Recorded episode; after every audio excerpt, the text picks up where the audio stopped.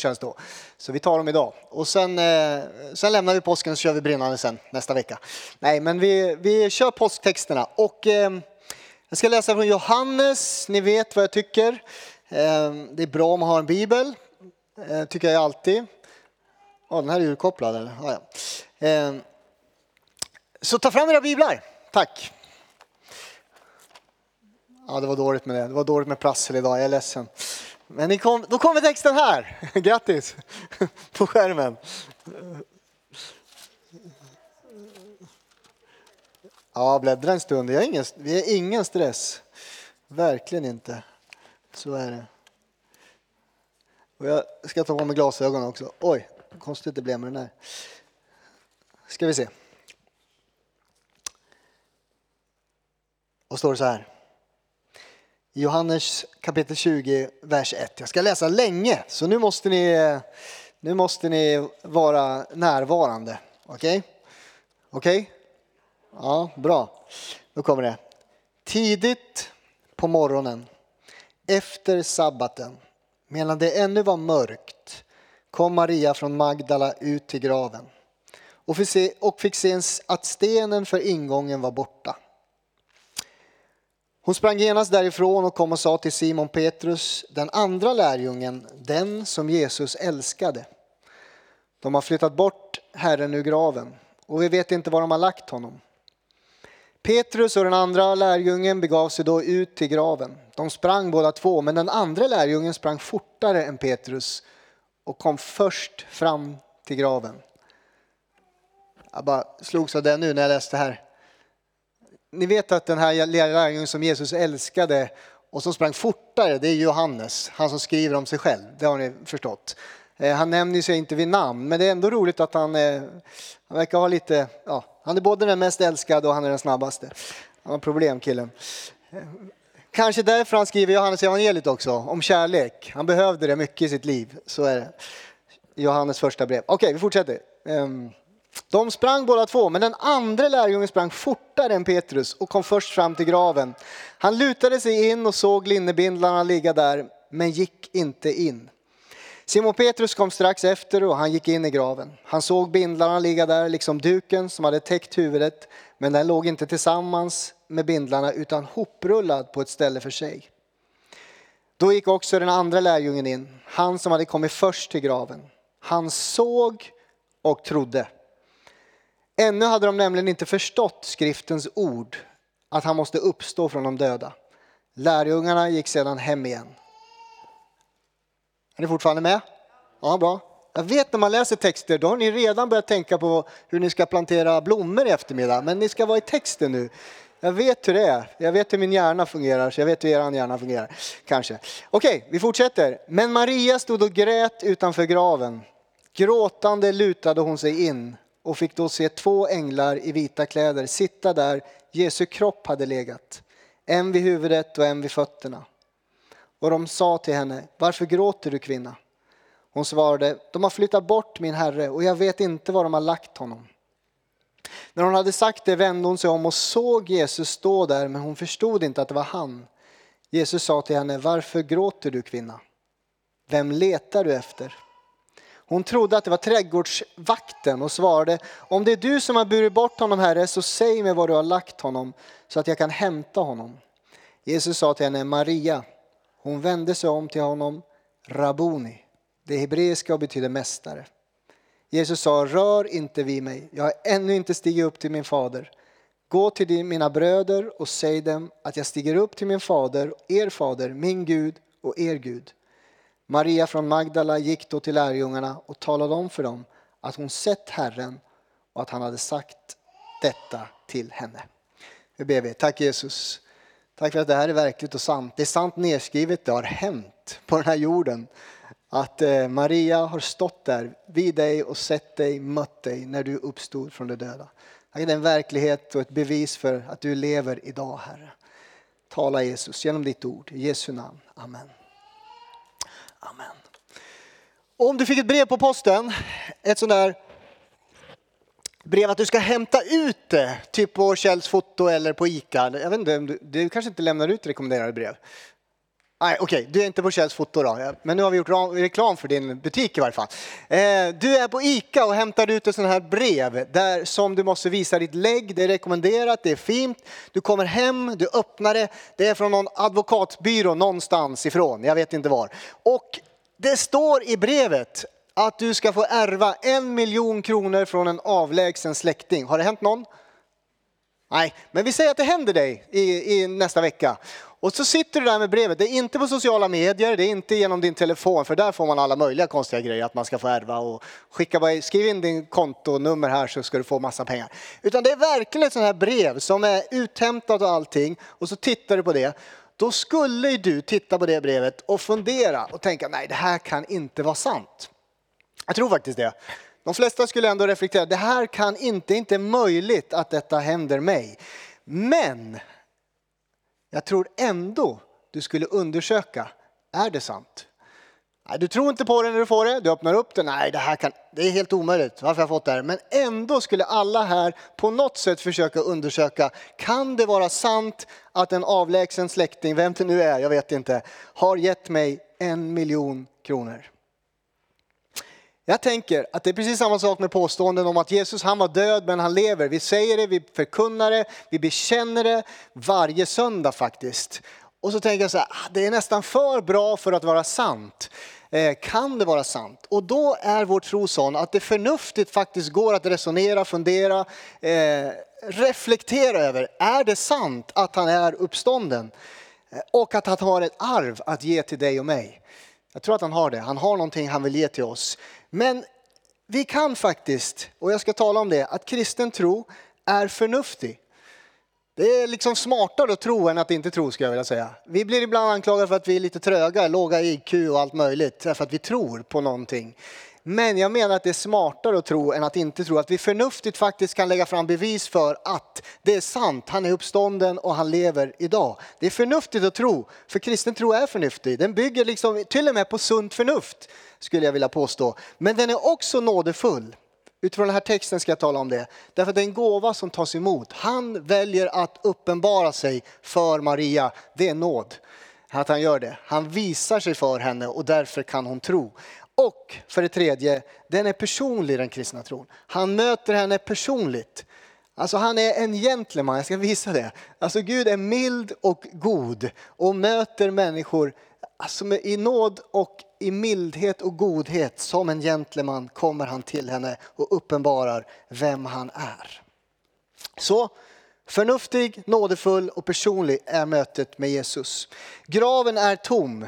Maria kommer till graven, vi går igenom texten. Det är tidigt på morgonen, hon har gett sig iväg. Jag tänker kanske har hon kryddor eller saker med sig för att smörja den döda kroppen. Hennes mästare, den som hon har följt, är död.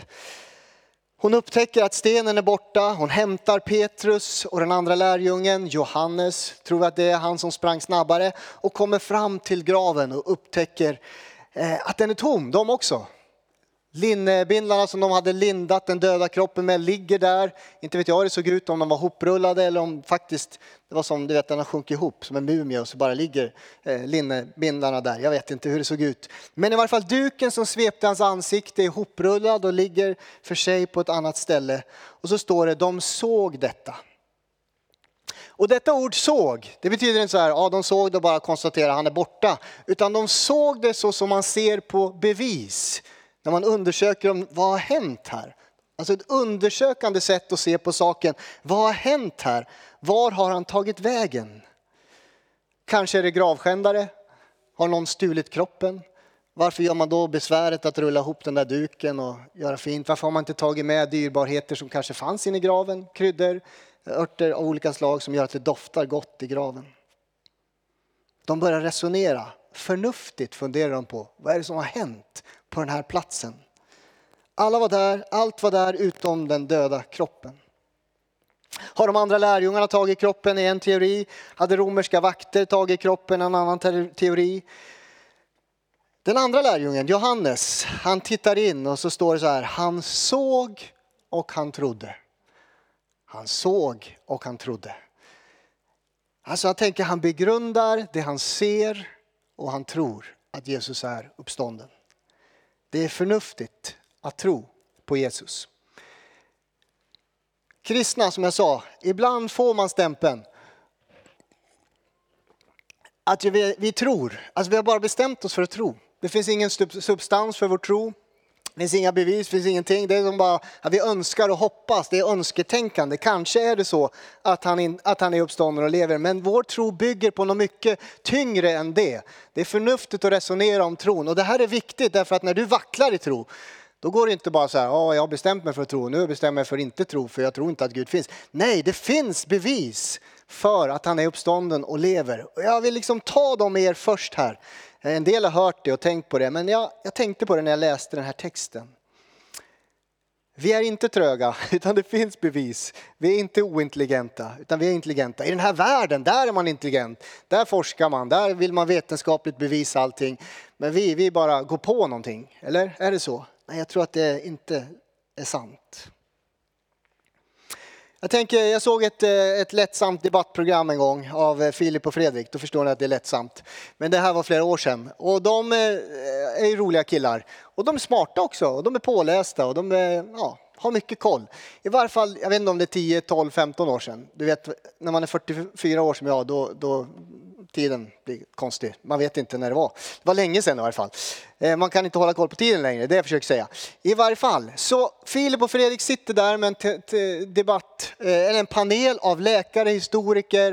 Eh, det fanns flera sådana här smarta vetenskapsmän. Är det någon som såg det? Ja, kanske. Ja, i varje fall, de sitter där och så har de en tes. De driver en tes att graven är tom, men döda kan ju inte uppstå. Så vad har hänt egentligen? Det är liksom deras Döda kan ju inte uppstå. Det, det, menar ju människor och mänskligheten. Så det måste ha hänt någonting annat. Och då sitter en smart läkare där, det sitter eh, ja, en historiker. All, faktiskt några har varit med i det här Fråga Lund också. Det är den där digniteten på, på folket som sitter där i, i panelen. Och så sitter de och resonerar om vad som kan ha hänt med kroppen, för man kan ju inte uppstå från de döda. Och de har många teorier. Och läkarna har en teori, att Jesus han hänger på kroppen, eller korset och han dör aldrig. Utan när de sticker ett spjut i hans sida, som det står att vakten gjorde, då öppnas hans lungor upp så han får luft. För på korset kvävs man ju till döds, det visste ni. Man hänger där tills man kvävs, man får inte luft, man orkar inte till sist att bara hänga där. Så de sticker honom i sidan och så öppnas det upp där. Så jag vet, jag har aldrig gjort det. Man, om man inte får luft så brukar man skära något hål, har jag förstått. Och så får man luft på något sätt. Och nu stack de honom i sidan, säger läkaren. Och därför så kan han syresätta sig igen. Och så överlever han. Och då tänker jag i min värld att de lägger en man som har blivit piskad 33, 39 gånger med ett fruktansvärt vapen som river och sliter sönder hans rygg. Han har burit sitt eget kors, de har spikat i honom. Ja, ni ser mina händer, det såg jag. Jag har åker rullskidor, jag är inte spikad i. Men jag tänker, ni ser såren i hans händer. Han är uppspikad på korset, han har blod. Eh, han är rätt så sliten kan man säga i alla fall. Och, men han är inte död enligt läkaren. Och sen av någon anledning så rullar han bort ett ton kilo, ett ton sten. Eh, och så går han därifrån och så tada, han återhämtar sig, går hem och sover lite hemma hos mamma. Och så får han god mat och så återhämtar han sig och så några dagar senare så visar han sig för alla och så är han uppstånden. Resonemanget drar ju åt det hållet, för han dog ju inte, för döda kan ju inte uppstå. Och så har de så många idéer om att kyrkan stal kroppen och ljuger om att han lever och så vidare och så vidare. Så pågår det överallt. Men det finns bevis.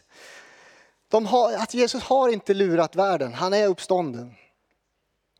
Kristen tro bygger på bevis, det är det jag försöker säga. Det är inte bara önsketänkande. Det bygger på tunga bevis, det är förnuftigt att tro. Den här boken är det största beviset. En textkritiker skulle säga att den här boken håller som källa. Frågan är inte om han har funnits eller inte, frågan är om han var Guds son, om det är sant det som står där, men den håller som källa att läsa. Det finns bevis helt enkelt. Några bevis. För det första är det viktigt att han uppstod, kom ihåg det. Om man inte gjorde det, säger Paulus, då är vår tro meningslös, då är den tom, då har den inget liv, ingen kraft. Det är viktigt att han uppstod. Så därför blir det stöttestenen till fall för vissa och till en hörnsten för oss som bygger hela våra liv på att han är uppstånden och lever idag. Om han inte är det, då finns det ingen frälsning, finns ingen räddning, finns ingen befrielse, finns ingen helande, finns ingenting. Därför att han är död, han som påstås vara Guds son och han lever inte. Men han är uppstånden och beviset för att han är uppstånden det är att graven är tom ska jag säga. Folk försöker påstå annat, som de här. Eh, men graven är tom. Eh, I det första kapitlet, eller kapitlet innan, då står det så här om vakten som stack i sidan. Då står det så här, han såg att han var död. Därför stack han upp sidan. De andra två som hängde bredvid, högg, de slog de benen av så att de dog. Men han, vakten såg, Jesus är död. Så han stack upp sidan och ut strömmar blod och vatten. Redan där har vätskorna i kroppen börjat separeras, som det sker i en död människa, vad jag förstått, jag är ingen läkare. Men eh, på något sätt, han visste att han var död och graven är nu tom. Han är på något sätt inte där längre. Det mest förnuftiga är faktiskt att han är uppstånden. Det andra är att han visar sig för sina lärjungar. Var det en synvilla de upplever? Jag menar, det här var inga drogberoende människor som lever med, får hallucinationer.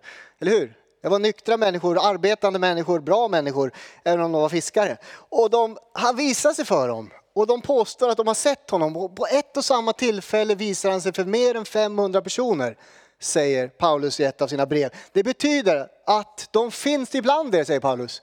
De som har sett honom uppstånden, de är i församlingen där i Jerusalem. De är i församlingarna runt om det området. Du kan gå och prata med dem, här 500, som har sett honom på ett och samma tillfälle. Han har visat sig för dem.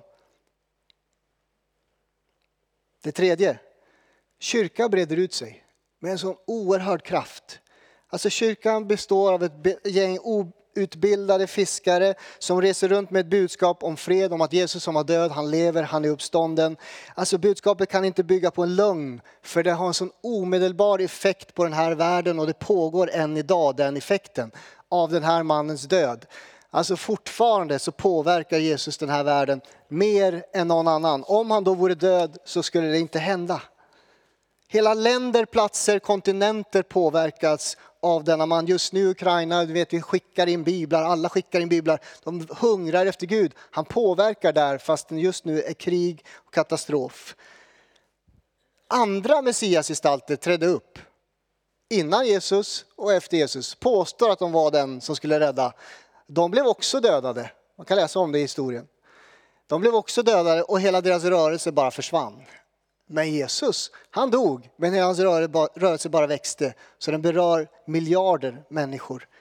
Det är bevis för mig. Han lever, det är sant. Och inte bara det, han förvandlade också deras liv och han förvandlar ditt och mitt liv. Det finns människor här som påstår, Mia, vad gjorde hon? Hon påstod, hur kan hon göra det? Eh, att hon mötte Jesus förra veckan när hon sjöng en lovsång. Det finns människor som påstår detta och för mig är det bevis. Han berörde hennes liv eh, på ett sätt. Och det, jag håller med Mia där, varje gång jag sjunger de här sångerna är så starkt. Man får möta honom. För det fjärde, och det här är vi tillbaka i texten nu då. Maria, hon är ett bevis för mig. Denna Maria från Magdala. Hon är ett starkt bevis för mig. Och hon blev ett starkt bevis för att kristen tro inte var sann under kyrkohistorien. Lyssna vad en grekisk filosof, han heter Kelsos, han skrev en skrift 150 år efter uppståndelsen. Där går han till hård attack mot den kristna tron. Han är ju förnuftig eh, och han menar på att den kristna tron den är oförnuftig. Han skriver en text som heter sanningens ord. Här försöker han sätta dit han som är världen, eh, liksom, som är sanningen med att skriva en text som det här är sanningens ord. Redan då höll man på, vad är sanningen? I varje fall så skriver han så här om Maria, det här är inte mina ord, kom ihåg det, det är hans ord. Så han säger, hur kan någon förnuftig människa tro på en hysterisk kvinnas berättelse? Det är hela hans bevis för att kristen tro kan inte vara sann. Därför att en kvinna är det första ögonviktet till hans uppståndelse. Så resonerar man i en mansdominerad värld. Kvinnor var inga, inga pålitliga vittnen. Och nu påstår evangelierna att det är en kvinna som är den första som får möta den uppståndne. Hon, Maria från Magdala. Hur kan man ens tro på en hysterisk kvinnas berättelse? Hur kan man det? Och därför att det är sant. Det är sant nedskrivet att Gud struntar i om det var man eller kvinna. Han, han väljer att uppenbara sig på det här sättet. Skulle han varit mer taktisk när han du kliver ur sin grav, rullar bort stenen, återhämtar sig. Och lite mer taktiskt, då ska jag inte berätta berättelser att han uppenbarar sig för en kvinna. Nej, då skulle han ju såklart uppenbara sig för män. För att det är de som påverkar världen, enligt Kelsos sätt att se på det. Idag är det inte riktigt samma sak. Men det är hela hans motbevisning. Men för mig blir det ett bevis. Ja, det här är sant nedskrivet. Det är inte liksom det kanske smartaste i den tiden för att visa alla att han är uppstånden. Men Det är sant nedskrivet, därför tror jag det. Han möter en kvinna och han uppenbarar sig för henne. Hänger ni med i mitt resonemang? Härligt. Jag, du vet, jag sitter ju själv hela veckan och formulerar meningar hit och dit och tänker. Så för mig är det som solklart. Och för er blir det som, hmm, hur tänker han nu? Alltså jag är för kvinnor, men jag menar bara att det är fantastiskt att han väljer. Alltså det, det står så och det var inte det liksom smartaste om man skulle lura världen. För världen på den tiden kunde inte lita på en kvinnas vittnesbörd. Det var det jag ville säga. Petrus behövde bevis för att tro. Maria behövde bevis. Hon behövde se. Thomas kommer i texten efter. Han tvivlade står det. Han tvivlade på berättelsen. Han behövde se Jesus.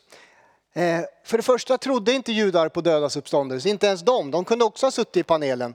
Ja visst, en dag ska vi alla uppstå, men de trodde inte heller på individens uppståndelse på det sättet, att det kunde ske. Eh, judar skulle heller inte falla ner och tillbe en människa som Gud. Men Thomas, eh, han tvivlar står det, han vill ju se den uppståndelsen. Han trodde ju inte att en individ kunde uppväckas från de döda. Och han sticker sina händer i, i såren och så står det att han säger så här, min Herre, min Gud. Han faller ner och tillber en människa, om han nu vore en människa. Det skulle han inte ha tillbett, utan han faller ner och tillber Gud själv. Min Herre, min Gud. Det här är tillräckligt många bevis för mig som lades fram. Och han förstod också att han är uppstånden och lever. Alltså det är förnuftigt att tro. Det är smartare att tro än att inte tro. Eh, jag, jag träffar en, faktiskt en del som, som är eh, ja, lärda män, eh, träffar man ibland. Alltså jag menar pålästa män, eller sådana som har gått på universitet och doktorerat och sånt. Och, och några fysiker har jag träffat nere i Vänersborg när jag bodde där, alltså forskar inom fysik. Och då, för dem är det mer sannolikt att Gud finns än inte. En fysiker, även om de är forskare och djupt kunniga, Sannolikheten att Gud finns är större än att han inte finns, säger många fysiker. Vi hade en här, jag vet inte om han är kvar, Reinard eller vad han hette, i, i Uppsala Livets Ord. Också fysiker. Eh, han menar att det är klart att Gud finns. Han håller inte på med biologi och sånt. Där är det svårare för biologer ibland att få till det.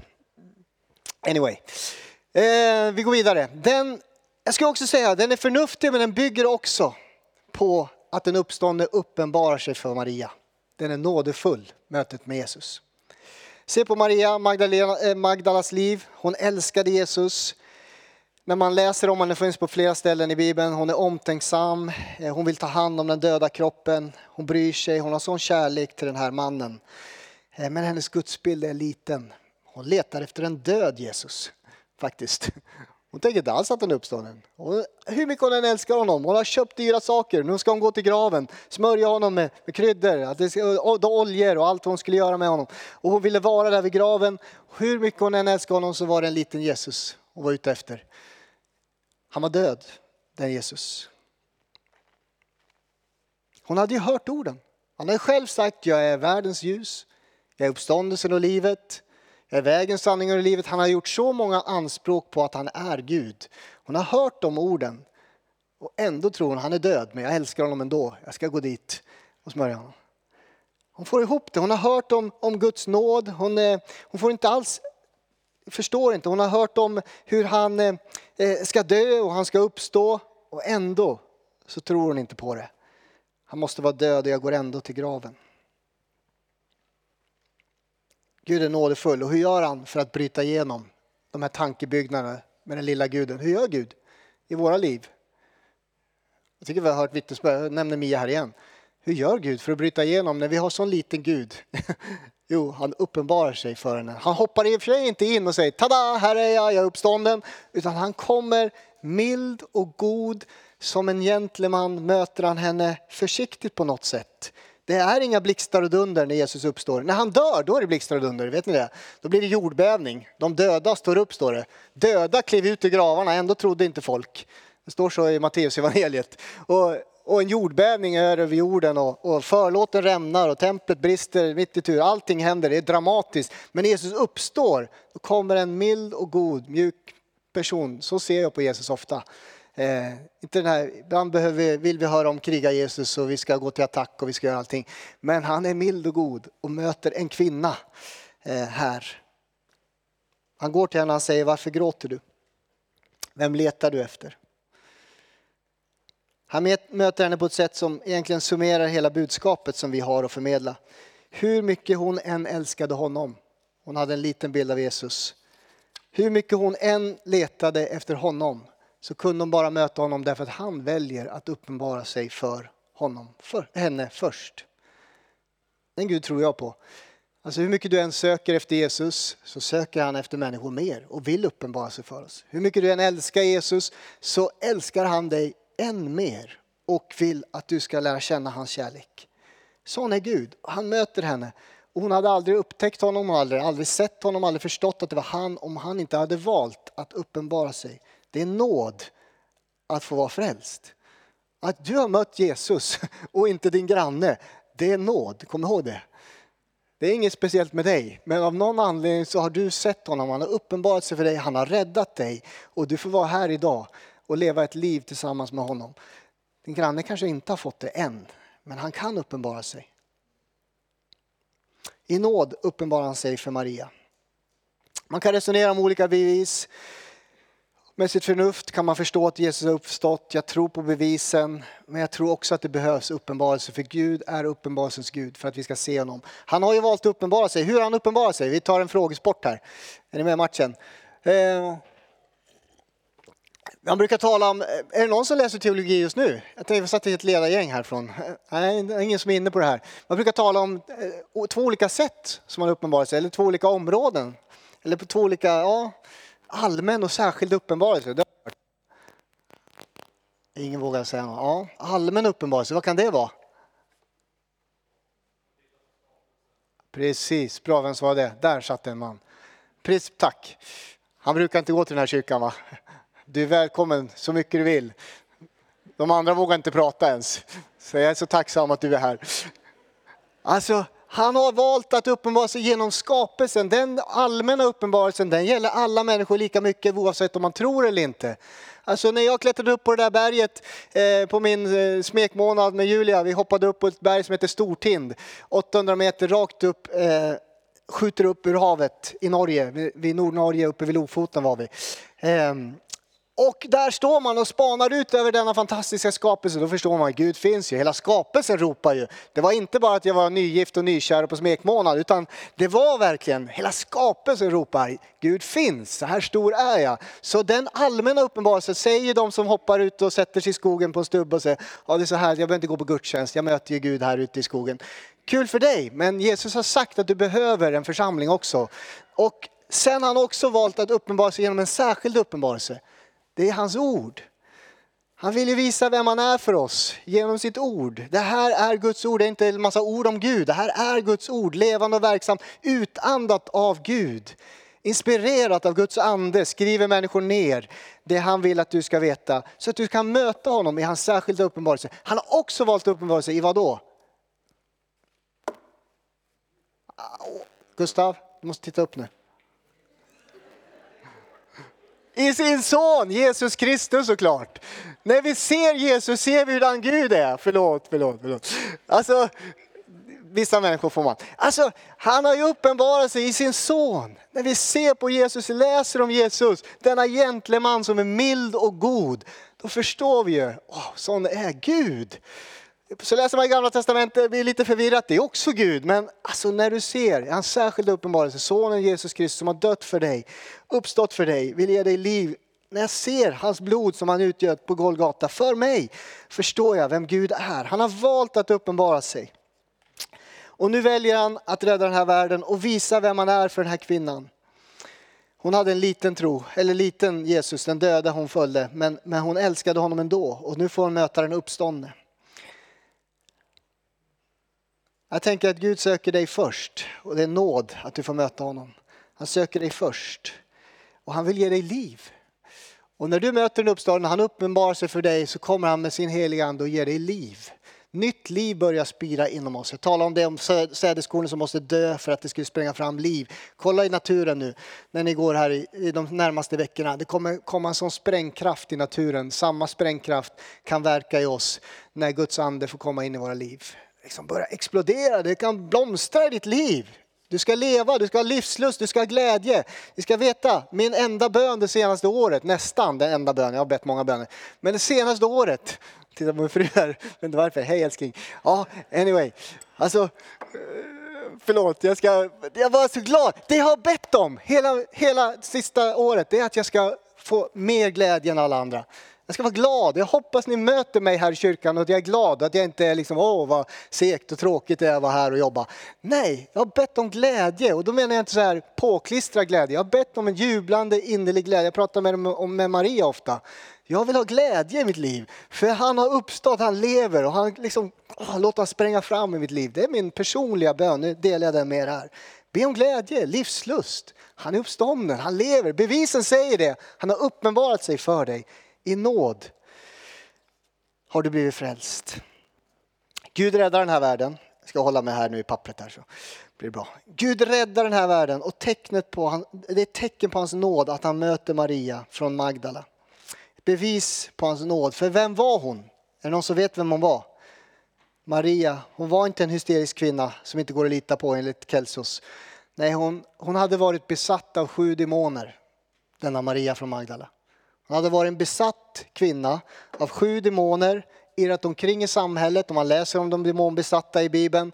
De irrade omkring i samhället, de var i utkanten, några befann sig bland gravarna, hade inga kläder på sig.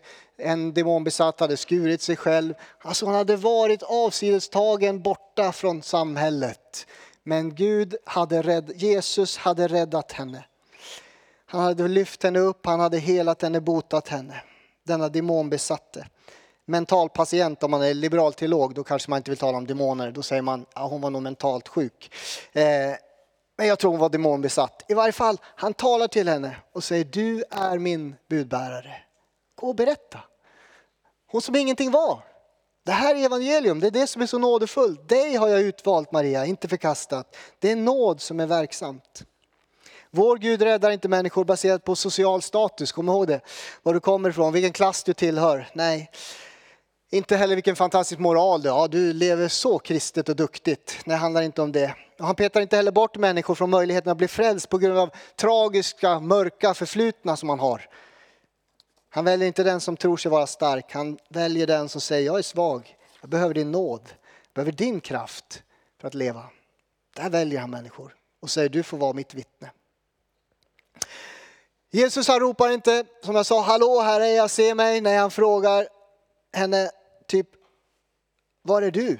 Jag ser dig Maria. Han möter henne personligen, det är det jag ska avsluta med, det är inte så lång del. Han möter henne personligen och kallar henne vid namn. Han sa inte fröken Magdala, från Magdala utan han säger Maria. Maria.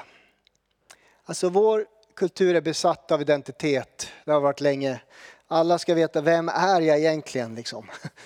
Vilken identitet har jag? Jag vet inte om ni har mött det eller tänkt på det, men så är det. Det har jag tänkt på. Jag tänkt på mycket. Alltså, vem är jag? Och så tittar man inåt. Och så tittar man och funderar, vem är jag? Det kan handla om allt. Det behöver inte handla om kön. Det kan handla om kön. Ja, vem är jag? Är jag kvinna, kvinna eller man? Eller hit eller dit? Ja, jag, jag, känner mig som det eller jag känner mig som det. Och så tittar man inåt. Men när jag läser i Bibeln så byggs inte identitet på att titta sig inåt faktiskt. Den här världen tittar inåt och funderar vem man är och så, så kommer man på vem man är och så går man ut i samhället och så, jag struntar i vad alla andra tycker, det här är jag, I was born this way, är det någon som sjunger. Alltså jag är den här personen.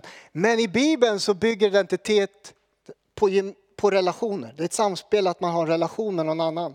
Man tillhör ett sammanhang. Judarna tillhörde alltid en familj, ett sammanhang, en stam. Deras identitet var inte oh, vem är jag och tittar, utan de, det var i relation med andra. Alltså man möter någon som du beundrar och de beundrar dig. Eh, du möter någon som, som du älskar och de älskar dig. Så får man tillbaka och så byggs en trygg identitet. Det är det som sker i ett tryggt hem. Dina barn får en identitet, de behöver inte titta inåt, de vet, de tillhör den här familjen och här finns det människor som älskar mig och beundrar mig. Och så bygger man en trygg identitet i en människa. I gemenskap med andra, så är det i Bibeln hela tiden. Och nu kommer Jesus där och ser henne, möter henne. Och han liksom talar in i hennes liv tänker jag på samma sätt, att upp, upprättar henne på nytt och ger henne en trygg identitet. Han talar till henne på sitt milda, personliga sätt och uppenbarar sig. Jag säger inte att han säger det här, men bara i namnet, alltså jag hör det här i sin, i sin mildhet och sin godhet. Han säger jag älskar dig, du är dyrbar för mig. Han, alltså hans kärlek är evig för Maria. Han är ingen död grundare av en religion som bara går att lära känna genom en uppsättning regler. Nej, han är personlig. Han möter henne personligen och upprättar henne i sin identitet. Hon är inte längre en demonbesatt kvinna som irrar runt. Hon är ett vittne, hon har blivit ett redskap för Gud. Hon är den första som får se den uppståndne. Hon föräras den liksom, möjligheten. Det är när vi följer Jesus som vi blir de vi är tänkta till att vara. Du kan inte hitta dig själv genom att fara runt hela jorden. Jag mötte en eh, brasiliansk kvinna på, på ett plan i, eh, på väg till Indien för länge sedan. Hon var från Brasilien och så satt vi där och pratade. Jag tänkte nu ska jag vittna här, för det tänker man när man ska på missionsresa. Så man passar på direkt i planet och man tänker det här blir bra. Och så sitter vi där och pratar och hon är inte dugg intresserad av att jag ska vittna. Hon vill berätta om att hon är på väg ut för att hitta sig själv. Hon ska resa över hela jorden för att hitta sig själv. Hon är så trött på alla masker och, och, eh, roller som hon spelar där i sitt land. Och nu ska hon lämna allt för att hitta sig själv. Och så tänker jag, titta inåt. Jag tänker, nej men kan jag inte få vittna om Jesus? För det är när du möter Jesus som du blir det du är tänkt att vara. Men det blir inget sånt. Hon är helt ointresserad. Det är stopp liksom. Så det här var inget bra vittnesbörd. Men jag menar bara, hennes idé var så här. Ah, jag måste hitta mig själv. Och jag får runt.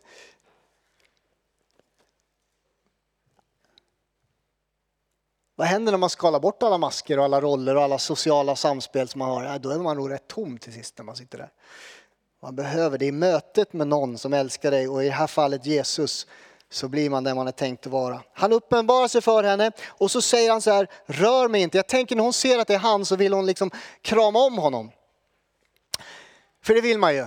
Jag tänker, nej men rör mig inte säger han. Typ, ja, han skulle ju gå till fadern. Men jag tänker också så här, eh, rör mig inte. Du behöver inte hålla fast mig. Du kommer inte förlora mig igen. Så tänker jag. Jag kommer komma tillbaks. Jag kommer sända min ande till dig. Du kommer ha mig på ett sätt som du aldrig har haft mig förut. Jag ska bo i dig. Min ande ska jag sända som kommer att föda dig, liksom fylla dig och jag kommer vara med dig på ett sätt du aldrig har upplevt förut. I alla livets skiften kommer jag vara med dig, jag kommer vara i dig, jag kommer vara för dig. När du går igenom vilket mörker som helst så kommer jag vara där. Mycket starkare närvaro än det här mötet till och med. Det är det vi lever i idag, andens tid. Heliga Andens tid. Han finns i dig. Han säger jag ska återvända till min fader, min Gud, er Gud och jag ska sända min ande. Jesus kommer till dig nära och personligt. Det är förnuftigt att tro på Jesus, det är det jag försökt säga idag. Det är förnuftigt. Det bygger på bevis men också att han har valt att uppenbara sig för oss. Och det är personligt att möta Jesus. Det är inte religion, det vet ni. Du ska möta Jesus personligen. Har du inte mött Jesus personligen, har du inte tagit emot honom du som är här, det är tid att säga ja till honom. Han är här och vill möta dig och uppenbara för dig vem han är. Man kan bli frälst om man bara öppnar sin mun och bekänner Jesus Kristus som Herre och sitt hjärta tror. Då blir man räddad. Han är här och vill möta dig. Lovsångsteam, välkomna.